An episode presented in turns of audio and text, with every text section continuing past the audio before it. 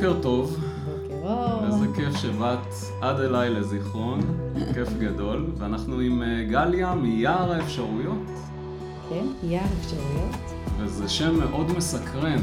בכלל, עבודה עם צמחייה, יער, שורשים, גזעים, עצים ובני אדם, שאני יודע שמה לעשות, יש לנו נטייה לא כל כך להתעכב על צמחייה, אנחנו שומעים על כריתת יערות ואנחנו שומעים על כריתת עצים כי הם מפריעים לבנות איזשהו בית או כביש, או... מה הביא אותך לתחום כל כך מעניין ומסקרן ובטח מרגיע ושלו? כן. אז uh, בעצם השטח הזה הוא, הוא זאת חלקת אקליפטוס uh, בתוך אזור תעשייה סגולה, פתח תקווה, שאבא שלי נטע לפני עשרים שנה. וואו. מתוך חזון uh, לאומי מקיים של, של לנטוע יערות של אקליפטוס uh, כענף חקלאי לכמה סיבות, גם לתת פתרון לחקלאים שאין להם מה לעשות עם האדמות בגלל שאין מים, גם כל הנושא של משבר האקלים כבר 30-40 שנה כבר מדברים עליו, זה לא משהו שעכשיו כן. נולד, כל נושא של מרעה הדבורים שנמצא בסכנת הכחדה, ומכיוון שזה מיזם של, של בראייה לטווח ארוך של 30-40 שנה, אף אחד לא רצה בעצם להשקיע בזה. אוקיי. Okay. והוא בא ואמר, יש לי 70 דונם בפתח תקווה, אני מוכן שזאת תהיה חוות מודל, שזאת תהיה חווה ניסיונית לגדל את האקליפטוסים ולהראות לחקלאים, לראות באמת איך זה עובד. ובעצם הוא יצא לנטיעה של שתילים בגודל של אצבע. של אקליפטוסים. של אקליפטוסים. מי יכול היה בכלל להאמין שיחלפו עשרים שנה כל כך מהר, והנה יש יער, והוא כשהוא יצא לדרך הוא שאל את עצמו, אוקיי, מה נעשה בינתיים עד שהעצים יגדלו? וההחלטה הייתה גם כחלק מהתפיסה של להראות מודל של אה, יער משקי, זה בעצם לתת הזדמנות לאומנים לבוא וליצור ולקבל השראה בתוך הטבע, להכניס את הקהילה ולחבר אותה, וככה העצים בעצם אה, הלכו וגדלו. אני בכלל באותו זמן אה, ביזמות ובמסחר, ועד שמגיע איזשהו שלב לפני 13 אה, שנה שאני עוברת איזשהו אירוע מכונן משפחתי, mm. ואני מגיעה ליער כדי, אני לא יודעת למה, לחפש תשובות, ובחיי אני בן אדם הכי פרקטי ופרוקטלי, אני לא ממחבקי העצים, למרות שהם קיבלו אישור, תכף נדבר על זה. כן. סקרן אותי מה, מה הסיפור של היער הזה, ואז בעצם נחשפתי אה, למחקרים של פרופסור סומר בקנדה, שגילתה שבעצם מתחת לקרקע, בין השורשים יש רשת. יש רשת של מידע. אינטרנט, ממש. ממש, ממש יש רשת של אה, מידע שאגור בו כל הזיכרונות של הטבע, של האדמה, של העצים, של כל מה שנחווה בעשרות אלפי שנים. וה, והמערכת בעצם היא, היא מזינה ומוזנת ומקושרת ומחוברת באמצעות פטריה, mm-hmm. קולטת את האיתותים של העצים, שאם חסר להם פחמן, חנקן, זרחן, ומעבירה ביניהם את ה, אה, מה שחסר להם, זה נקרא תפטיר, זה, זה כן. קילומטרים של, של אה, מידע ש, שהוא עובר. אבל אז האתגר היה בעצם לשאול, מדענים שאלו בעצם למה עצים משתפים פעולה, הרי הם יכולים להיות בתחרות על, ה, כן. על השמש, על הצל, מה, מה, מה הסיפור? והתשובה הייתה נורא פשוטה, שרק יחד הם יכולים לקיים מערך אקולוגי. איזה יופי. עץ אחד לא יכול לעשות את זה, זאת אומרת, יש יתרון לפעולה משותפת. כן. ואני, שעוסקת בתפיסות של עולם חדש כבר 15 שנה, וחוקרת ולומדת את ההשתנות ואת השינוי, בעידן אה, שהוא באמת אה, משובש וככה אנחנו מקבלים עכשיו בארבע שנים האחרונות מופע אה, שיכול להיות מופע אימים. כן. או שיכול להיות... מראה שחורה ממש. בדיוק. או מצד שני משהו מאוד מסקרן ואיזושהי הזדמנות להבין לאן אנחנו הולכים. ו... ואני הבנתי שכשמדברים חדשנות, חדשנות, חדשנות בתוך ארגונים שזה העולם שאני בו עובדת, בעצם אה, זה, זה קצת פלסטרי והפילוסופיה של העצים בתוך היער יכולים ללמד אותנו, את בני אדם, על הטבע שלנו ועל היכולת באמת לפתח רשתות אנושיות שמחוברות ומקושרות דרך ערכים שמניעים אותנו ואיזושהי מטרת על שהיא יותר גדולה ממי שאנחנו. כן, בעצם את מתארת אה, סוג של דמוקרטיה נקרא לזה, או עבודה משותפת של יער, שפועל יחד לטובת הכלל, ואם יש משהו שאנחנו יכולים ללמוד מטבע, או אנחנו אוהבים להגיד טבע הדברים. טבע הדברים זה משהו שהתפתח במשך הרבה מאוד מאוד מאוד שנים, ומאוד כדאי להתבונן בו כדי לשאוב קצת חוכמה, מכיוון שהוא התארגן בצורה שהוא התארגן אחרי הרבה מאוד ניסוי וטעייה. נכון. ואז אם ניקח את המבנה הדמוקרטי הזה לטובת חברה, ארגון, בטח מדינה, אפשר להסתכל על הרווחים העצומים שאפשר להפיק מההתבוננות ומההגבלה. כן, והסימבולים שיש בתוך הטבע, בתוך היערות, בקיום הזה כן. של המערך האקולוגי הוא, הוא חומר שיכול ללמד אותנו, זה מצטרף לזה עוד תחום שככה למדתי אותו בשנים האחרונות, שזה נקרא שינרין יוקו. אוקיי, מה זה? מעניין. שינרין יוקו זה מקלחת יער. אה, מקלחת יער, אוקיי. ומקלחות יער זה משהו שפותח ביפן, mm-hmm. שבעצם אה, ארצות הברית אימצו את הרפואת יער כאיזשהו מודל למחקר, ובאוניברסיטת סטנפורד יש ממש אה, מחקרים כבר כמעט 20 שנה על מה קורה לאנשים שהם נמצאים בתוך הטבע, והמדדים אה, של ירידה בסטרס, של ירידה בחולה, בסכרת לחולי סכרת, אה, מחלות סרטן, יש שיפור מאוד מאוד משמעותי מעצם אנשים ששוהים בתוך היער. כן. ו... אם את רוצה ככה אולי לתת תרגיל פרקטי קטן אפרופו מקלחת יער, לאנשים באשר הם, מה הם צריכים לעשות בשביל מקלחת יער? תשמע, זה לא, זה לא כזה big deal, זה פשוט לשבת, זה, זה פשוט להיכנס לתוך מרחב של יער, אין לנו הרבה כאלה לצערי כן. במדינת ישראל. אבל... שזה לא משנה איזה עצים, נכון? זה לא. יכול להיות אורנים, אקליפטוסים, אלונים, אז מה שיש. אורנים אה, יש איתם קצת בעיה בגלל שהם צמח מאוד אלרג... אלרגני. אה, אוקיי. ויש אנשים שזה ממש גורם להם לאלרגיה, mm-hmm. לא, לא נעימה. יחד עם זאת, אה, יש, יש אלונים, יש באמת את האקליפטוסים, יש, ו, וגם כאלה שנוח להם עם האורנים, עצם השהייה והישיבה בתוך יער, בתוך הטבע, בלי טלפונים, בלי הסחות דעת. ו... עכשיו זה חשוב שהיער יהיה גבוה, יסגור מעליי, או שזה יכול להיות סתם כר דשא? זה, זה צריך להיות עצים יחסית להיות, גבוהים. זה צריך להיות, כן, זה צריך להיות שהייה בתוך יער שהוא עוטף אותך. כן. זאת המקלחת, כן. המקלחת כן. היא שאתה נמצא שם בעצם וכמו תדמיין, אה, כאילו היה לך איזושהי זכוכית מגדלת שיכולת היית לראות חמצן אה, יורד ו- ומתכנס לתוך הגוף שלך, לתוך כן. כל תא ותא ש- שעוזר לנו, כי, כי אנחנו גם ביום יום, בגלל שאנחנו נורא במרוץ, אנחנו שוכחים לנשום. נכון. ומשהו בתוך היער שמאפשר לך רגע את השהייה הזאתי, מן הסתם אתה גם יותר נושם, ו- ואתה לא שם לב, אבל יש ממש ירידה של מפלס. הסטרס והלחץ. כן. כל התורה של החסידות היא בעצם נולדה רבי עקיבא. יצאו להתבודד יצאו ביער. יצאו להתבודד כן. בתוך יערות. החיבור לאדמה, אם אתה הולך על, על אדמה כשאתה יחף, כן. אז אתה יכול להיות מוטען באנרגיה. זה, זה הכל היום, זה לא ממבו ג'מבו, זה כבר לא שייך לרוחניקים. כן. זה, זה, זה, זה מוכח פה. ממש מדעית. זה מוכח מדעית, זה באמת אנשים מן השורה שרוצים באמת לעשות איזשהו תהליך הירגעות. אין לנו ברירה היום בתכלס, כי אנחנו נדרשים להיות כל כך ממציאנים ויצירתיים ומאלתרים ומחדשים וממציאים את עצמנו. כן. אין ברירה, אנחנו כל אחד צריך למצוא את מה עושה לו את זה כדי כן.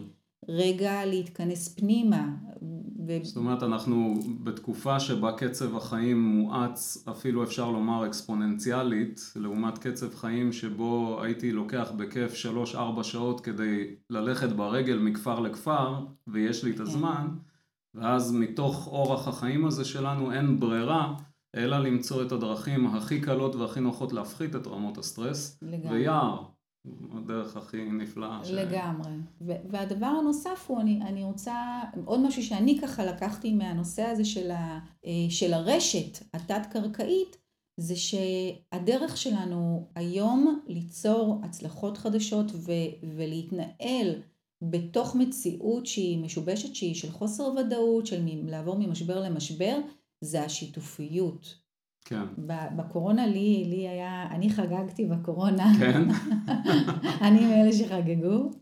המצאתי מלא דברים, עשיתי מלא דברים ממש כיפים, אבל בעיקר הבנתי כמה התפיסה שלי בעשור האחרון היא כל כך מדויקת, כי אנחנו לא הבנו כמה אנחנו משפיעים ומושפעים.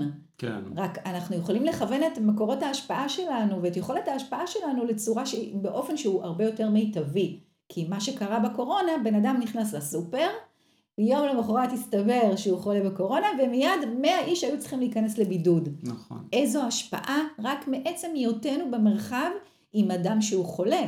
תחשוב על זה, זה טרלול רציני. נכון, במיוחד כשכל כך uh, מלמדים אותנו בעת החדשה הזו על אינדיבידואליות, על להיות נפרדים ולהיות בודדים, ובעצם אני כאילו, כאילו, לא צריך אף אחד, לא צריך שום דבר, הכל במרחק של הקלדה על מקלדת, אנחנו שוכחים כמה אנחנו מחוברים לכל הדברים, לא רק ממש. אנשים ביניהם, אלא אני מחובר לשמש, אני מחובר לכדור הארץ, לא מזמן אה, יצא לי לתרגם קטע על מה שנקרא שומן רזוננס, שזה כן. איזושהי תעודה או פעימה של כדור הארץ שמשפיעה עלינו בריאותית, ואין לנו בכלל מושג שגם זה מחובר אלינו. נכון. אז החיבורים הם באמת מדהימים. תספרי על הספר שאת מחזיקה, זה מסקרן.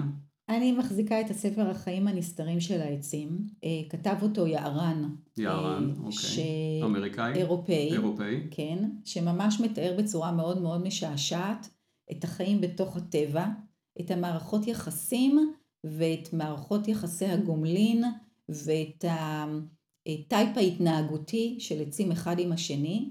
ואחד הדברים שהוא מדבר בהקשר של, ה, של המחוברות זה שחוזקה של השרשרת כחוזק החוליה החלשה בה, ועצים ממש יכולים להדגים לנו את המימד הזה של מי הח- החוליה החלשה, איפה נמצא החוליות החזקות ואיך אנחנו באמת מסנכרנים בקהילות אנושיות של בני אדם, זה לא משנה אם זה קהילת הורות או קהילה משפחתית או קהילה אה, ארגונית עסקית או חברתית שמטפחת וערה להזנה של אחד של השני ומתוך הבנה שהחוזק של השרשרת של הקהילה של הרשת הוא כחוזק החוליה החלשה בה ועצים ממש מבינים שהעזרה שלהם לעץ חולה מהמם. כדי שהוא יגיע לגיל בגרות, תלוי ביכולת של עצמם להגיע לגיל בגרות. ובהקשר, דיברת ככה על, ה- על האינדיבידואל, חשוב לומר, מהמם. זה לא, זה לא קיבוץ של פעם. כן. זאת אומרת, יש עדיין את האינדיבידואל. היכולת שלנו לעזור אחד לשני הוא לא אה, מתוך תלות ו, וחולשה. זאת אומרת, אני כעץ יודעת מה החוזקות שלי, מה המשאבים שיש לי, מה מקורות הכוח שיש לי. אתה יודע מה המשאבים ומקורות הכוח והחוזקות שלך. אני יודעת לאן אני רוצה להגיע ומה חסר לי, אתה יודע מה, לאן אתה רוצה להגיע ומה חסר לך, ואני יכולה לתת לך ממה שיש לי, ואתה תיתן לי ממה שיש לך. אז כדי שזה יקרה, אני קודם כל צריך לוודא שאני מצליח להתמלא היטב עם המשאבים שלי, ואז מתוך השפע שיש לי אני יכול להעניק, בדיוק. ואני גם צריך להבין, כדוגמה מהיער, זה שהגדולה שלי או הזריחה שלי היא אף פעם לא על חשבון אחרים. זאת אומרת, אני לא צריך שסביבי כולם יהיו קטנים ממש. כדי שאני אהיה גדול, אלא מעצם זה שאני גדול אני עוזר להגדיל את השאר ולהפך. לגמרי, לא, יש לנו את העצמיות שלנו, אבל יש את ההבנה ואת המודעות שאנחנו מחוברים שנינו למטרה שהיא יותר גדולה מעצם הקיום העצמי שלנו. כן. ולכן אנחנו עוזרים אחד לשני. כן. לכן ככה אנחנו מקיימים רשת שהיא איכותית, שהיא חזקה, והרשתות היום האנושיות חייבות להיות חזקות כדי לייצר את העמידות ואת החוסן לטווח ארוך יותר. אז ביער, כמו שתיארת, בעצם אם יש עץ חלש איפשהו ביער, כל העצים החזקים מתגייסים דרך השורשים יחד עם הפטריות שישנן בדרך ומעבירים חומרי הזנה לעץ החלש הזה? בדיוק. וואו. ב- בדיוק כך. וואו, בדיוק. זה מדהים. אני זוכר שראיתי איזה סרט דוקומנטרי על זה שעשו איזשהו ניסוי עם פטריות בין שורשים של שני שיחים. נכון. שלשיח אחד שמו אה, כנימה. ואז הוא הודיע דרך השורשים ויחד עם הפטריות ייצרו כנראה תרופה עבור השיח השני, שמן שנמרח על העלים ואז הוא יכול היה להתגונן מאותה כנימה, הוא כאילו קיבל דרך האינטרנט איזושהי הודעה מראש ואז מה שהם עשו הם שלפו החוצה את הפטריות מבין השורשים והם ראו שאי אפשר היה להעביר מידע משיח לשיח. בדיוק. אני מציעה למי שמקשיבה לנו להסתכל בנטפליקס, יש סרט שנקרא אה, פטריה פנטסטית. כן. זה מה שראית? כן, כן, כן, כן. יופי, פנטסטיק פונג'י. זה סרט וואו, וואו, וואו. זה, זה גם הצילומים עצמם, נכון? זה היסטרי. כן, מאוד מאוד יפה, גם ויזואלית וגם התוכן הוא מדהים. ממש, ממש. אתה, אתה מבין את היוצרים של אבטאר, על, על כן. איזה בסיס הם לקחו את הרעיון. עכשיו, זה מעניין שהעלית את אבטאר, כי איך שדיברת בהתחלה על אה, עצים חזקים וחלשים ביער, ישר קפץ לי העץ, ה-mother tree, mm-hmm. העץ אם הזה באבטאר. אה, שאבטאר הוא מין הגבלה בעצם על האדם הלבן שפולש לאמריקה. והאינדיאנים עם התרבות שלהם והחיבור שלהם לטבע לקחו את זה פשוט לכוכבים אחרים. כן. יש באמת עץ אם ביער? יש. אוקיי. יש, אה, לא עץ אחד, יש כמה. אה, זה תלוי במערכת שבה היער ניטע. אבל יש יערות יש ביערות עצים שיש דור המשך. אוקיי. Okay. ועץ האם ידאג קודם לצאצאים שלו. שזה... זאת אומרת שהם יחליפו אותו בלהיות עץ אם באיזשהו שלב, או שהם כולם יחד יהיו קבוצה יחד, כזו? כן, כולם יחד, זה מין, עוד פעם, זה שרשור כזה. כן. זה, זה קצת ספירלי, אפילו שזה רשת, ככה אני בדמיון שלי. אנחנו יודעים מה עושה את הקבוצה הזו עצי אם, אני... האם הם, יש להם יותר כוח משאר העצים? אני, אני חושבת שיש להם יותר את החוכמה ויותר את המידע ש, שנמצא אצלהם, והמידע הזה וה, והחוכמה נמצאת שמה ו, ודרך זה זה עובר. יש לזה בטוח הסברים מדעיים, אני לא עד כדי כך... אה, אז תוך כדי שאת מדברת, אני ככה עולה לי איזושהי הקבלה אה, אלינו, בני האדם, בעצם מדור לדור אנחנו מעבירים מטען גנטי. נכון. ואנחנו גם מעבירים מטען איפשהו, אנחנו אוהבים להגיד תת מודע קולקטיבי, נכון. ישנו איזשהו ענן שהוא על כל הקולקטיב, וישנו גם ענן קטן יותר שרץ נגיד מעל הדורות במשפחה. נכון. אז יכול להיות שזה משהו דומה ככה על העליין. נכון, כן. נכון. אני, אני חושבת שאנחנו לגמרי מבינים שיש היום את העברה בין דורית, ויחד עם זאת, אנחנו חוליה בתוך שרשרת הדורות. ויכולים להצמיח מתוך עצמנו שורשים בהתאם לערכים שמניעים אותנו. כן. זאת אומרת, זה, זה באמת עניין של התפתחות ומודעות לכמה ההורים שלי מכתיבים עבורי את מי שאני. והנה עוד דרך יפה שלך עכשיו להסתכל על הריקוד הזה שאנחנו עושים בין אינדיבידואל לבין קולקטיב. נכון, נכון. אנחנו בעצם קיבלנו במטען הגנטי את מה שה... סבתא רבא ורבא רבא, וההורים אה, אה, עבר מדור לדור, ועדיין כל דור היה לו את הייחודיות שלו, כן. ואת הדיוק האישי שלו. ולכן אני אומרת, אנחנו חוליה בתוך שרשרת, אבל חוליה ייחודית, יש בה תאי זיכרון. כן. של, של דורי דורות, אבל בתהליכים של התפתחות אנחנו יכולים לדייק ולזקק את המנועים שלנו ומה אנחנו רוצים להעביר הלאה, ומן הסתם הילדים שלנו יעשו את שלהם. כן, כן. עכשיו את מגיעה לחברה או ארגון ואומרת להם, אתם אנשים מאוד לוגיים, עובדים בצורה מאוד לוגית, רק היגיון קר, אני רוצה לקחת אתכם ליער, אולי אפילו לחבק עץ, רחמנא ליצלן. מה הם אומרים לך? תראה, זה לא ככה. אוקיי. אוקיי? ואני גם לא אומרת לאנשים לחבק עצים, בוא. כן. אה, זה, זה קורה מאליו. השיח שלי הוא שיח של ערכים ו, ותפיסת ייעוד. כי היער הוא רק אמצעי וכלי להמשיג את מה יכול לפתח את החוסן ואת היציבות בתוך חוסר יציבות. כשארגון מגיע הוא רוצה קודם כל אתנחתא והוא רוצה לנשום ואנשים רוצים לדבר את ה... או למפות ולהבין את ה... למה הם מתנהגים כפי שהם מתנהגים ומה מניע אותם ואנשים רוצים היום בתוך ארגונים להיות מחוברים לאיזושהי משמעות גבוהה מעבר למוצר או לשירות כזה שהם נותנים ולאיזה קהל, ש... ציבור לקוחות שהם עובדים איתו. כן.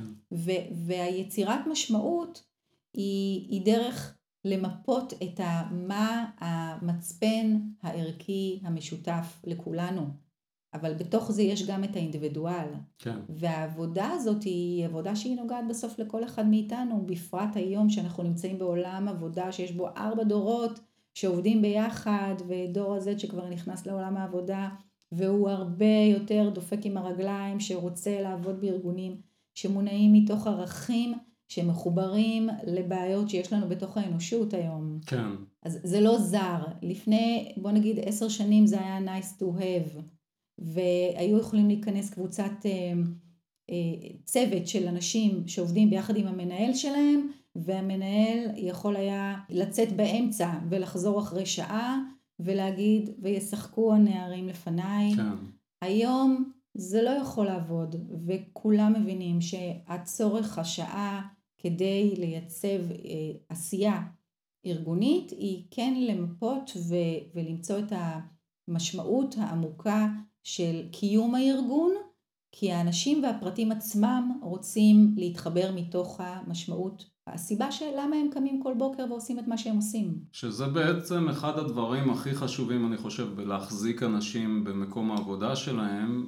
אה, הנאמנות למקום העבודה מתייצרת מתוך איזושהי סביבה אקו סיסטם שהוא טוב ומיטיב, תומך ומקשיב ומתנהל ברגישות. נכון, אני חושבת שהנאמנות הזאת היא, היא משתכללת ככל שאנחנו מתנהגים כמו רשת. כן. ככל שאנחנו מבינים שאנחנו מושפעים ומשפיעים, והאחריות היא לאו דווקא רק על המנהלים שאנחנו רוצים שינהיגו אותנו, אלא גם עלינו כאנשים שעובדים ותורמים את תרומתנו לקיום היציבות והתנועה והיכולת השתנות בתוך המציאות המשובשת הזאת. כן, ועכשיו גם במציאות המאוד מהירה שלנו מגיע עוד איזשהו רובד חדש שעושה את העניינים עוד טיפה יותר מורכבים וזה שהצעירים האלה שאמרת שעכשיו נכנסים למעגל העבודה לפעמים יודעים כל מיני דברים הרבה יותר טוב מהמנהל שלהם או שהם נדרשים לעסוק במקצוע או תחום עיסוק שהמנהל בכלל אין, הוא לא מכיר, זה לא היה קיים עד לפני רגע. לגמרי. אחד הדברים שמאוד מאוד חשוב היום לכל אדם שהוא בתפקיד הנהלה, בתפקיד של מנהל, זה לשכלל את מיומנויות המנהיגות ולהפוך להיות מנטור, מדריך, מודל, וזה מצריך למידה. כן. וזה מצריך התפתחות. כן. אישית. באמת להיות מחובר לטבע של עצמנו ומי אני בלי הטייטל, ואיך אני משכלל את המיומנויות שלי ואת החיבור שלי לטבע שלי ולרצון שלי ול... ו... ו... ויכול להקשיב לקולות שיש מסביב ולחבר בין כולם ובאמת להוביל איזושהי אג'נדה שיש בה השראה. זאת אומרת כשאני כמנהל מגיע מתוך מקום של ערכים, מתוך מקום של גמישות והקשבה, מתוך מקום של רצון כמו היער להעצים את כל העצים בעצם בקהילה הזו. נכון. אני יכול ביתר קלות לקבל גם אנשים שמבינים הרבה יותר טוב ממני בתחומים מסוימים או תחומים שאני לא מכיר בכלל. התפקיד של האגו הולך ודועך לגמרי, בסביבה כזו. לגמרי, לגמרי. אני חושבת שלייצר צמיחה אנושית, טבעית, זה מנגנון שהוא מאוד מאוד חשוב היום בסט מיומנויות של כל אדם ש... שעובד בתוך ארגון וגם שמנהל ארגון וגם שמוביל ארגון וגם בעל עסק ובכלל כל קהילה אנחנו כולנו נדרשים לפתח את המיומנות הזאת של הצמיחה האישית, של צמיחה האנושית, פעם היו קוראים לזה soft skills, היום זה power skills וה-power skills זה משהו שאנחנו, שהוא משתכלל יום יום, ככל שאנחנו מגדירים לעצמנו את היעדים ואת המטרות, את המטרות ומזינים את עצמנו בחומרי האזנה כן. שיכולים לשכלל את הצמיחה ו... ו... ולהרחיב אותה. עכשיו, כשאת מזמינה ארגון או חברה אלייך ליער, את דואגת שיגיעו כל הרבדים, או שמגיעה בדרך כלל רק ההנהלה? זה מאוד מאוד משתנה, זה תלוי במטרות. זה בדרך כלל שעושים תהליכים באמת של בירור של תפיסת ייעוד של מטרת העל, מעבר לשורת רווח, אז מגיעים צוותי, צוותי הנהלה. אחר כך מורידים את זה לדרג ביניים, אחר כך מורידים את זה כלפי מטה, זה, זה, זה, זה הולך, אה, זה לא ליניארי. אוקיי. Okay. אה, זה לא ליניארי, זה, זה מאוד, זה יכול להיות שאם זה ארגון מאוד מאוד גדול אז יגיעו חטיבה, או מחלקה, או אגף, או, או באמת אה, צוות בתוך שמנהל ומוביל איזשהו ארגון אם הוא יותר קטן. זה, זה מאוד משתנה, הרשת היא תמיד מתקיימת כי האדם הוא אדם והשאיפות הן שאיפות והרצון הוא רצון.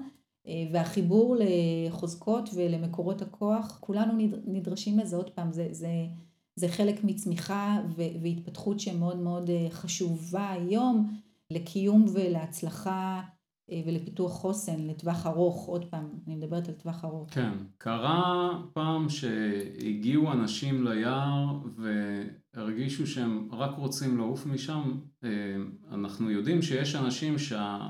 התרגלות שלהם, נקרא לזה כך, לסביבה שהיא בטון, קירות ורצפה ונקי ומסודר, היא כל כך חזקה שכשהם יוצאים החוצה ויש קצת חרקים ויש קצת נמלים וכזה, הם מיד מתכווצים סביב זה ופשוט לא רוצים להיות שם, או שהחוויה היא תמיד מאוד נעימה ומאוד זורמת? לא נתקלתי בקבוצה, לא היה, לא קרה לי. שמונה שנים במרכז קיים, שקבוצה הגיעה ולא רצתה לחוות או לעבוד, יכול לקרות שבתוך קבוצה יש אדם כן. שיותר ציניקן, יותר סגור, יותר חסום. אני יכולה לראות גם את התנועה הזאת במהלך היום, הם מגיעים לשבע שעות, אה, איזושהי התקלפות, כן. איזושהי מוכנות להיפתח. אה, וכן, יש, יש ימים שהם לא, הם, יכול להיות שחם, או יכול להיות שמאוד מאוד קר, יכול להיות שיש זבובים, יכול להיות שפתאום מגיע דבור, זה, זה מאתגר, זה מוציא מאזור הנוחות. כן, והם אה, לומדים לעשות שלום גם עם זה, אני מניח. כן, כן. אני, אני חושבת שההשפעה של הטבע עלינו היא, היא הרבה יותר ממה שאנחנו מודעים לה.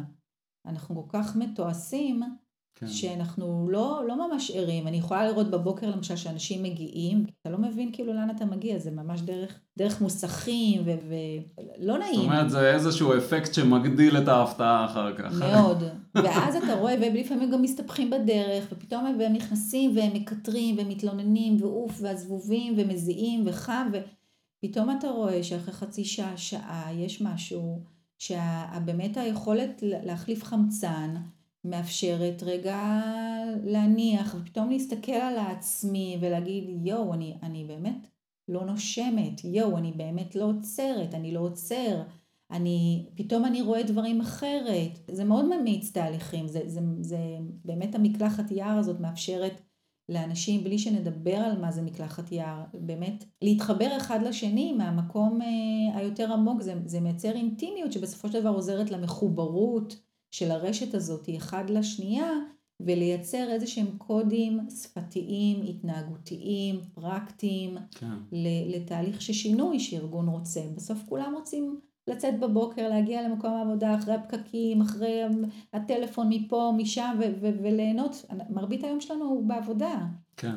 ואנשים רוצים ליהנות, אנשים לא רוצים לצאת בבאסה בבוקר ולחזור בבאסה בערב. זה ילך ויגדל, היכולת לשים גבולות, אף לשלם ברמת איכות החיים, כדי שנוכל ב-well-being שלנו לחיות יותר טוב, יותר להשקיע במשפחה, יותר להשקיע בתחביבים, יותר כן. להשקיע במה שמייצר משמעות. להיות יותר בטבע של האדם. אז באמת, אה, אם את אומרת שהיום הצעירים שנכנסים לשוק העבודה, הם כבר באים עם איזושהי אג'נדה שהיא בדרך כלל מאוד חברתית ומאוד סביבתית. נכון. איכות הסביבה וכאלה. כן. בדורות עבר, אולי בגלל שבאנו מתוך איזושהי עננה שהיא הישרדותית, ההורים שלנו, אז שתהיה לך עבודה ושתרוויח משכורת. נכון. ותעשה את העבודה הזו כל החיים שלך.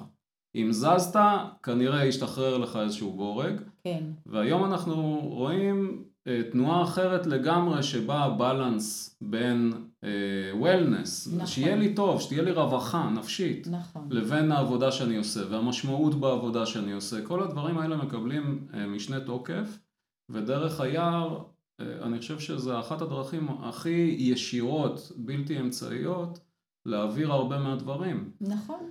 אה, את מנסה לעשות איתם גם grounding? הם עושים בתוך התרגול? אה, זה לא בדיוק grounding, זה כן הליכה משותפת, יש המון מיצגים של שורשים. אנחנו, יש לנו איזשהו session שאנחנו יושבים מתחת לשורש שהוא בן 170 שנה. אתה עטוף גם כולך שם בכמו... איזה חלל שהוא כולו שורשי. ממש ו... כמו שריג כזה של כן, שורש? כן, ממש. יושבים שם, אה, וזה מייצר את ה... כמו איזשהו מין מיכל, ש... שאנחנו עושים שם לכאורה עבודה שכלית, אבל היא מאוד מאוד עובדת על חושים אחרים, בלי שאני אדבר את זה. בסוף לכל אחד מאיתנו יש את השורשים שלו, בין אם אנחנו אוהבים את זה או לא. קורה שאנשים מגיעים ופוגשים בשורשים שלהם ולא כל כך אוהבים את זה, או לא כל כך רוצים להתחבר ולזכור את זה. וגם בסוף של חצי שעה, של שלושת רבעי שעה ישיבה שם, יש פתאום איזשהו זיק של סקרנות, של ערות, של התעוררות, של הבנה, של מי אני בזכות אותם שורשים שאני לא אוהב.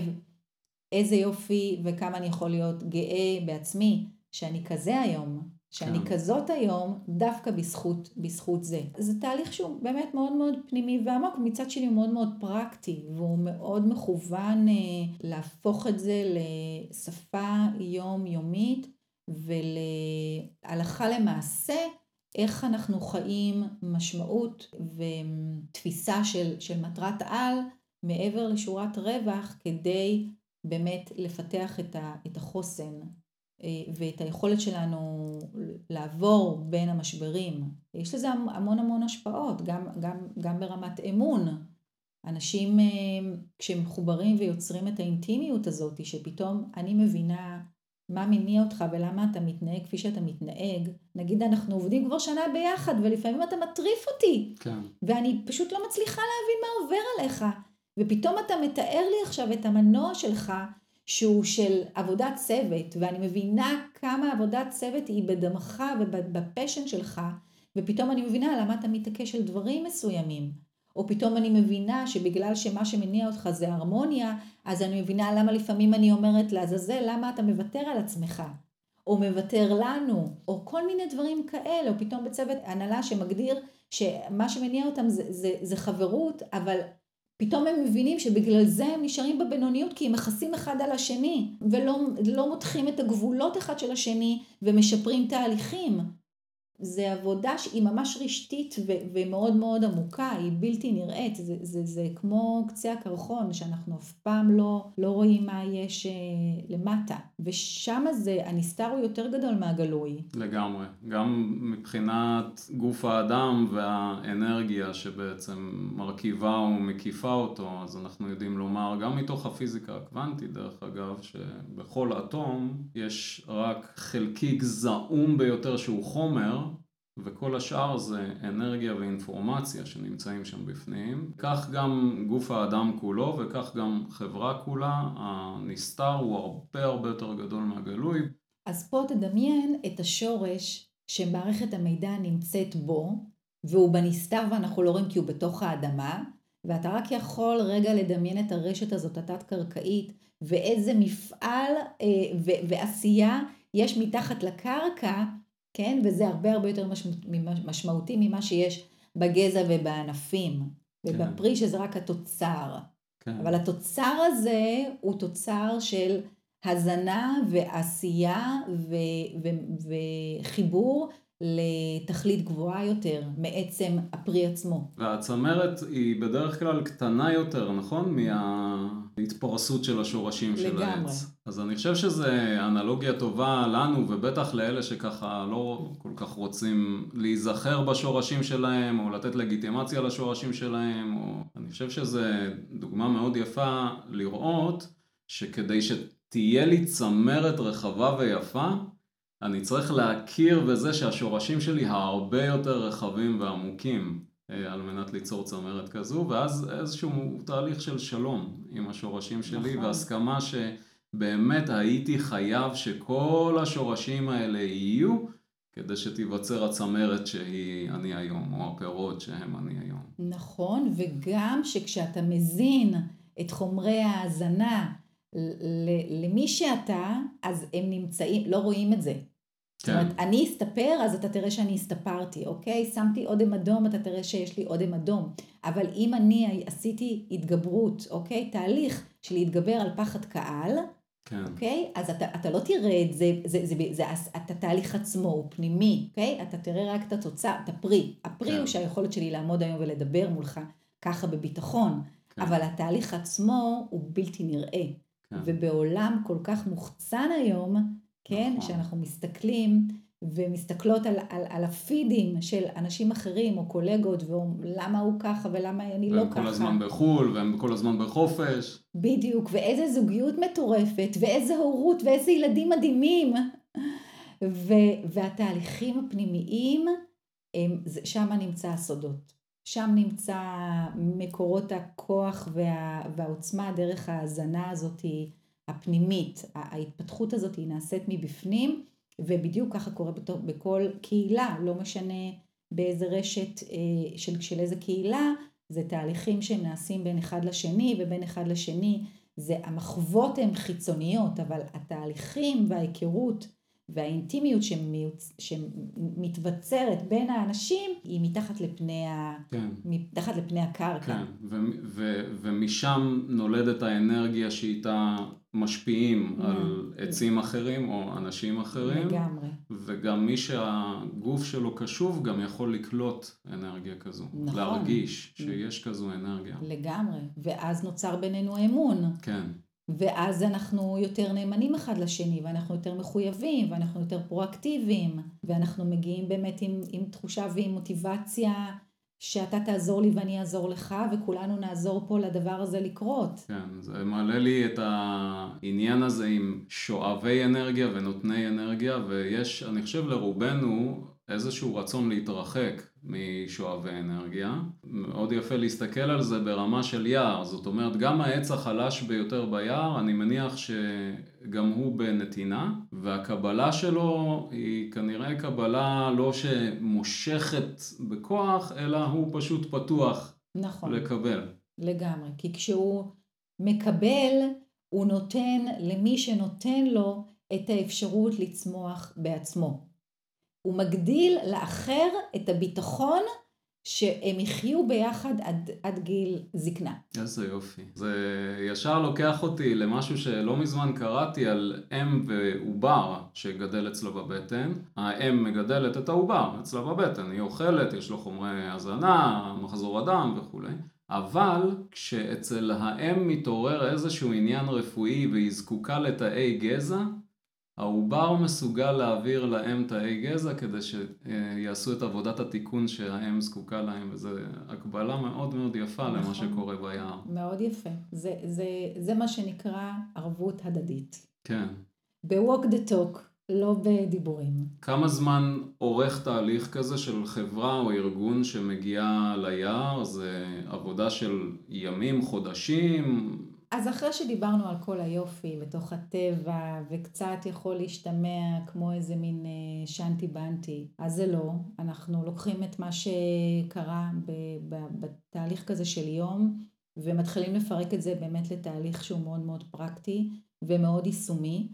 וזה יכול לקחת אה, חמישה מפגשים, זה יכול לקחת שישה מפגשים, זה יכול בטווח של זמן, זה יכול לקחת חצי שנה וזה יכול לקחת שנה, כי זה תהליך שהוא מצריך גם את ההתפתחות האישית, גם את ההתפתחות הצוותית, ההתפתחות הארגונית, והחלק של היישום וההטמעה הוא חלק שהוא הרבה יותר מורכב, כי בסוף זה פוגש את שגרות היום ואת הבלת"מים ואת המשימות היומיומיות, ואיך אנחנו מנהלים את המערכת המשמעות ואת קיום התכלית הגבוהה בתוך האסטרטגיה ובין הממשקים ובחיבור היומיומי של עד אחרון העובדים ברצפת הייצור. וזה תהליך גם, כמו שאנחנו, התהליך שלנו של ההתפתחות הוא, הוא לא מסתיים. כן. ככה זה גם, גם, בדיוק כמו שבטבע, זה לא נגמר אף פעם. נכון. גם בתוך הארגון זה, זה לא נגמר. אני חושבת שמהניסיון של העשור האחרון זה שכעבור אה, כמה זמן בארגונים שאכן יש מישהו שהוא מיינדד לדבר הזה, שהוא מאוד מאוד מחובר וזה מאוד מאוד חשוב לו, כמו אחד המובילים ומנהיגים של אותו ארגון, אז זה, יש לזה אה, סיכוי שזה ימשיך ויתממש, כן. ו, ולפעמים אני מגיעה לתחזוקות, כן. אה, תחזוקה אחת לכמה זמן. כן, אבל עכשיו, זה- בארגונים גדולים, ממש, בדרך כלל יש להם קמפוסים. הם לוקחים את העניין הזה של יער ואומרים, אולי נעשה לנו איזה פינת יער קטנה, ויצא לך לפגוש כזה דבר, שלקחו את זה ממש צעד אחד קדימה? לא, אבל יש לי לא פעם אה, ארגונים שמחליטים שכל פעם מישהו אחר יהיה הפטריה. אה, וואו, איזה יופי. ואז מה קורה? מה, מה, מה התפקיד הזה מצריך? תפקיד הפטריה זה לזהות את האיתותים מהפרטים, מה חסר להם ומי יכול להעביר להם. אז זה ממש תרגיל מובנה שהם יכולים לקחת מהסדנה שלך אל מקום העבודה, כן, ולהגדיר כל פעם מישהו אחר שישב בתפקיד הזה. לגמרי. וואו. אני, אני, יש לי ארבעה ילדים. יש איזושהי, וה- והגדולים שלי עם תאומים. עכשיו, עם תאומים זה מין, יש איזה מין כמו איזה הסכמה, אפרופו מתחת לקרקע, הסכמה בשתיקה שכל פעם מישהו אחר תופס במה. כל פעם מישהו אחר צריך משהו. אז, והשני מפנה את המקום לאחר כדי לעשות את התהליך התפתחות שלו. ובסוף אני אומרת, ארבעה ילדים, אנחנו שישה, אני ובן זוגי וארבעת הילדים, כל פעם מישהו אחר נמצא באיזשהו צומת או באיזשהו שלב של התפתחות, ואנחנו יודעים מי האחרים שיכולים כרגע או לפנות את האנרגיה ואת הנידיות, כן. או לעזור ולתמוך ולהיות שם.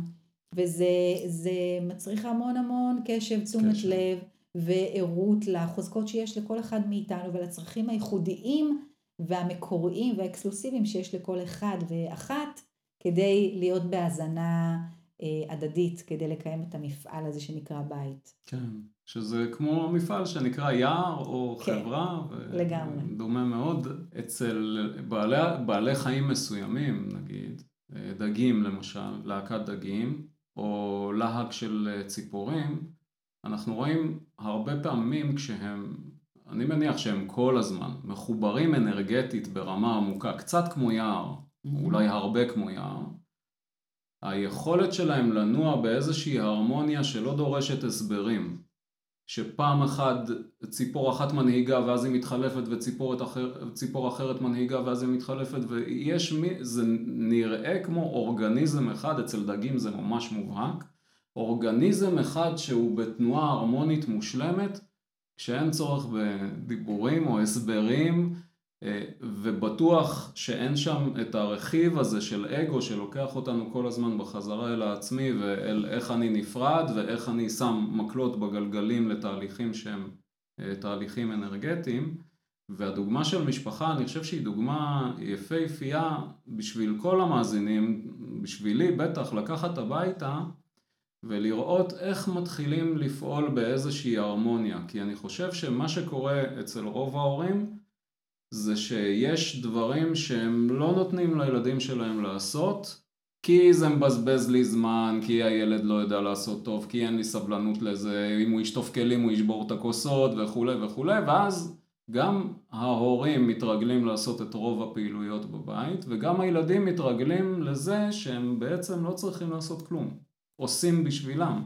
ופה המודל של היער הזה שאת מציעה, לקחת אותו הביתה זה מהמם. לגמרי, כי אני חושבת שכחלק מלהכין את הדור הבא, את הילדים שלנו בתוך הבית, לעולם שהוא מצריך מיומנויות אחרות, כי לא, אין יותר עבודה עכשיו ל-20 שנים קדימה, 30 שנה קדימה, ואנחנו נעים על הקביעות, זה לזהות מה החוזקות ומקורות הכוח של כל אחד מבני הבית, ולתקשר כשמישהו נמצא כרגע במקום נמוך, ולהשתמש בזה כמודל להעברה והזנה וקשר וחיבור, לא מתוך מקום של חולשה, להפך, אלא מתוך מקום של חוזקה והדדיות. כשאנחנו מכירים בחוזקות של הילדים שלנו ובמקורות הכוח שלהם ואנחנו מתקשרים להם, גם כשאנחנו ביום לא טוב וגם כשלנו אין מצב רוח או גם כשאנחנו נכשלנו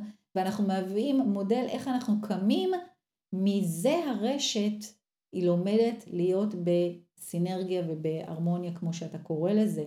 ואני חושבת שזה מגדל משפחה הרבה יותר יציבה, קרובה, עם מערכות יחסים הרבה יותר אינטימיות ואותנטיות וכנות ו- ופחות אה, שריטות שאנחנו כן. עושים לילדים שלנו כשאנחנו יודעים לתקשר להם את החוזקות שלהם, את החולשות שלהם, את החוזקות שלנו ואת החולשות שלנו ואת החוויות שאנחנו חווים הפחות נעימות. דווקא הפחות נעימות, כן. כי, כי יש בחיים דברים שהם לא נעימים, ויש סופות כמו בטבע, נכון. אה, ויש חום, ויש קור, ויש יובש, ויש שריפות, אה, ויש הצפות, ויש שיטפונות, כן. וגם בנפש שלנו יש אותם דברים, וכשאנחנו מתקשרים את זה בתוך הבית, אנחנו לומדים לתקשר את זה אחר כך בתוך הצוות שלנו, בתוך מקום העבודה, ועם הקולגות שלנו, ועם הלקוחות שלנו, ועם הספקים שלנו, ולא משנה, ועם המנהלים שלנו, וזה להיות בחופש. וזה להפך, זה, זה מגדיל ומפתח את, את הצמיחה. זאת אומרת, גם, גם אם אה, אנחנו תופסים בטווח הקצר שוואי, חסכתי מלא זמן מזה שלא נתתי לילדים שלי לבוא לידי ביטוי, אני צריך להזכיר לעצמי ולהבין כל הזמן שבטווח הארוך נכון. יהיה רווח עצום מזה שנעבוד ביחד, כולנו, אה, נבליט את העוצמות של כל אחד, ניתן להן לבוא לידי ביטוי, ניתן גם לטעות, ניתן גם ליפול, הכל בסדר כמו בטבע, כמו שציינת, שערות, סופות, הכל הוא תופעה או תהליך שחולף. נכון, לגמרי. שיש אה, משבר בבית של אחד הילדים, זה מה שנקרא שריפה, אוקיי? בשריפה הזאת אנחנו מתפרקים, מתפרקים חומרים, בדיוק כמו בטבע, היכולת של הטבע להצמיח את עצמו מחדש. אני לפני שבועיים הייתי פה ביערות הכרמל, זה, זה צמרמורת. איפה שהייתה השריפה הגדולה. כן, כן, זה, זה אתה אומר, וואו, איזה יכולת של הבראה ושל החלמה מתוך כל כך הרבה כאב שיש באדמה. כן. וזה, ככה החיים שלנו. כן. וככה חיים גם של ארגון, ויש נפילות, וצריך לקום, ונופלים וקמים, ו...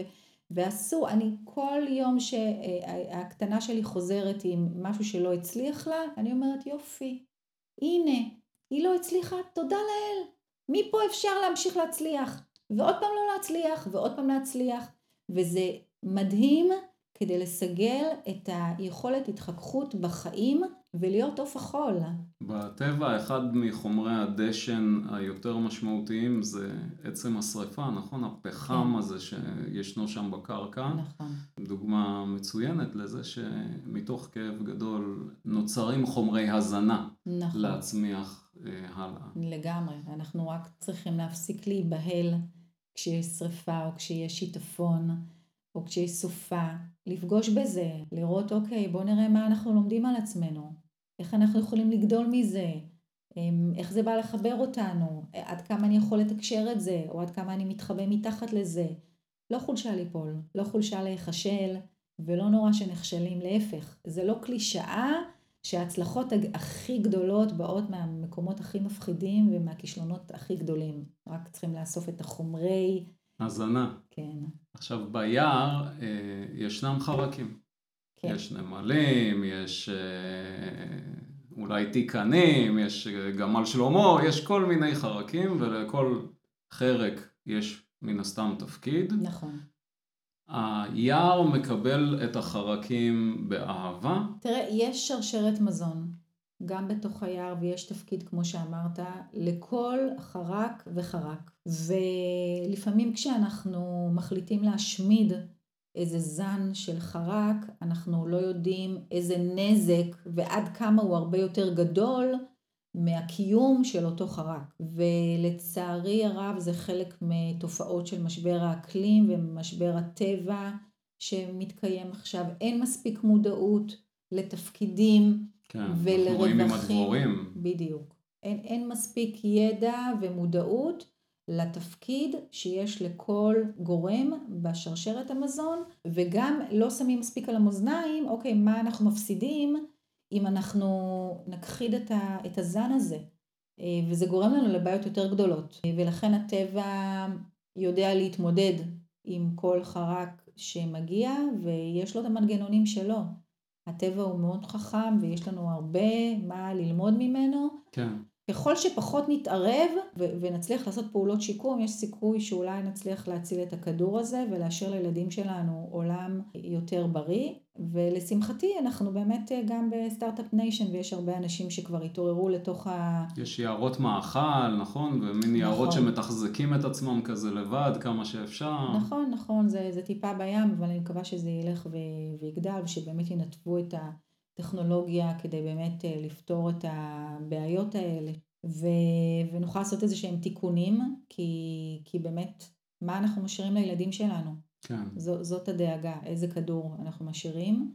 אם, אם ניקח את זה רגע לעולם שלי, זה עולם של לנסות לעזור לארגונים, למפות ולהתנהג תכלית גבוהה מעבר לשורת רווח, אז שורת רווח זה מאוד מאוד חשוב, עסקים חייבים, חייבים כן. להרוויח כסף. כן, חובה- עסק. כן. בדיוק, חייבים להרוויח כסף, סימן קריאה עשר פעמים. כן, יחד עם זאת, אפשר ואף רצוי ואף הרבה יותר יהיה מוצלח להרוויח את הכסף הזה בדרך שהיא מקיימת את הבעיות שיש לנו באנושות. הדרך היא תהיה משרתת של מטרות נוספות. ואני חושבת כשאנחנו עסוקים אך ורק בלייצר עוד כסף ועוד כסף, ואנחנו לא שמים לב איזה נזקים אנחנו עושים בדרך, ואני חושבת שאנחנו מייצרים הרבה מאוד אה, עשבים שוטים, דברים שמפריעים לצמיחה לטווח הארוך בקיום של אותו ארגון. כן, וזה מצריך חשבון נפש של, של כל אדם שנמצא היום בעמדת הובלה ויכולת השפעה, לבחון עם עצמו כל בוקר בעבור מה הוא עושה את מה שהוא עושה, מה הסיבה הגבוהה שהוא עושה את מה שהוא עושה ואיך הוא יכול לעשות יותר טוב כדי שישרת עוד כמה מטרות לבעיות שיש לנו אה, בסביבה, באנושות, ולשרת איזושהי מטרה נוספת שהיא יותר גדולה מעצם היותנו שקמים כל בוקר להרוויח כסף. בסוף אנחנו הולכים ומתים, כן. ובדיוק. והכסף לא בא איתנו. אז זה מאוד מאוד חשוב, ואני חושבת שגם זה מקיים את העובדים, זה מקיים את הלקוחות, זה מייצר הרבה יותר אמון. כן, כש, כשאתה מהווה אה, באג'נדה שלך, אבל לא בגרין ווש באמת, תכלית שהיא גבוהה, שהיא משרתת את המטרה של, של הטבע האנושי והטבע בסביבה ובבעיות שיש לנו, ויש לנו הרבה מאוד בעיות ברמת האנושות היום. כשאת אומרת green wash זה כזה מס שפתיים כזה? מס שפתיים. אנחנו יודעים שצריך לעשות ESG, שצריך לעשות אה, אחריות תאגידית, אה, כדי שנוכל אה, מול המשקיעים שלנו להגיד שאנחנו עושים משהו לערך אה, חברתי או סביבתי, אבל באמת כלפי העובדים שלנו אנחנו מת- מתייחסים אליהם כמו אל עבדים, מהמם. ואנחנו סוחטים אותם עד הקצה, ויש הת- התעמרות, ויש דחיית תשלומים לספקים ו- וחוסר אמון מול לקוחות, אז, אז בסדר, אז עשינו קצת תרומה לפנימייה כזאת או אחרת, או תרמנו איזשהו שדה בזימבבואה, כן, אה, אבל, אבל באמת כלפי שאר מחזיקי העניין שלנו אנחנו מתנהגים בצורה מזעזעת ומזוויעה. כמו שעשית את ההקבלה של יער לצוות העבודה בחברה או בארגון, עכשיו כשסיפרת על השורת רווח, כן. כסף, אבל לא רק, כי יש גם כל מיני ערכים שצריך לקיים, אפשר לקחת את המודל של היער נכון. ולהעלות אותו עוד רמה, ולהגיד אולי אפילו הכסף הוא ה-mother tree, ואז כל שאר העצים ביער הזה הם כל מיני ערכים שקשורים לעסק הזה, שהעסק הזה יכול לייצר ויכול לחיות לפי אותם ערכים. כרגע אנחנו מנתקים את הרובד האנושי. כאילו טיפלנו ברובד האנושי ועלינו עוד איזשהו רובד למעלה, נקרא לזה מין, אנחנו ברובד של תודעת העסק עצמו. לגמרי. ואז באמת אפשר להסתכל על הכסף כאיזשהו mother tree, שהכסף צריך להבין שאם הוא יזין את כל השאר מסביב, זה בסוף יועיל גם לו. גם הוא יגדל ויצמח יחד עם הדבר הזה. אני אשכלל את מה שאמרת, Mm-hmm. שאם הכסף של, שנמצא אצל כל העצים יהיה מכוון לאותו תכלית גבוהה של קיום מערך אקולוגי. כן. של אקולוגיה כלפי כל מחזיקי העניין. עכשיו, בחלקת אלוהים הקטנה שלי, קרה לי משהו בשנה, שנתיים האחרונות, שמביא איתו הרבה התחבטויות. אני מאוד אוהב צמחים. יש לי גינה מקדימה, מאחורה. קניתי עציץ מאוד יפה, עם פרח מאוד יפה בתוכו. הנחתי אותו. יום אחרי אין פרח, אין צמח, כל העלים נאכלו.